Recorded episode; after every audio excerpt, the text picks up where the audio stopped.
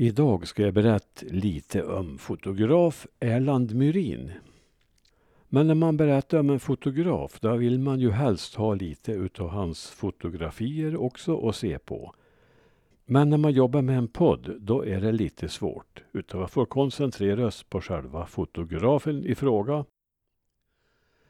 Och det här var en krönika för Nya Värmlandstidningen den 29 april 2017. Jag undrar ibland om de gamla bygdefotograferna själva tänkte på vilken skatt de lämnade efter sig i form av papperskopior eller negativ. För hundratalet år sedan var inte kamerorna på något sätt var mans egendom som de blivit idag. Utan de var stora och lumpiga tingestar som lämnade negativa avtryck på plåtar av glas och så småningom på mer hanterbara filmremsor. De bilder som har räddats till eftervärlden måste vara ett fåtal av alla som har funnits. Men en del innehåller information som är oersättlig. För den som inte fotograferade yrkesmässigt var detta en dyrbar hobby som nog har värderats högre av efterkommande generationer än av samtiden. För några år sedan blev jag kontaktad av Björn Myrin i Stockholm som tillsammans med nära släktingar hade en fotosamling från övre Klarälvdalen.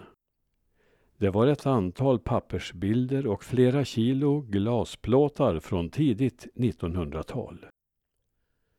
Många av dem var till och med tredimensionella bilder som krävde speciell betraktningsapparat. Även några tidiga färgbilder fanns med. För att inte bilderna skulle gå förlorade erbjöd Björn och hans släktingar att Dalby hembygdsförening skulle få det nordvärmländska materialet. Det finns nu bevarat på Dalby hembygdsgård, det mesta i form av negativ. De flesta som jag har kunnat identifiera har jag skannat in och bevarat digitalt. Några pappersbilder finns att beskåda uppnålade på skärm på hembygdsgården. Tyvärr saknas betraktningsapparat för de tredimensionella bilderna. Fotografen bakom denna digra dokumentation var Björns far, Erland Myrin från Likenäs, sedermera Karlstad. Han föddes 1886 och fotointresset väcktes tidigt. Redan 1899 hade han fått sin egen kamera och Klarälven, skogarna och bergen blev kära motiv. Flera bilder är tagna högt uppe på Brannäsberget och andra mindre lättåtkomliga platser. Hans far Albert var landsfiskal och bodde i Transtrand i Dalby socken. Erland själv fick jobb på Värmlandsbanken i Likenäs och bodde med hustru Greta och fem barn på Klara strand i byns utkant.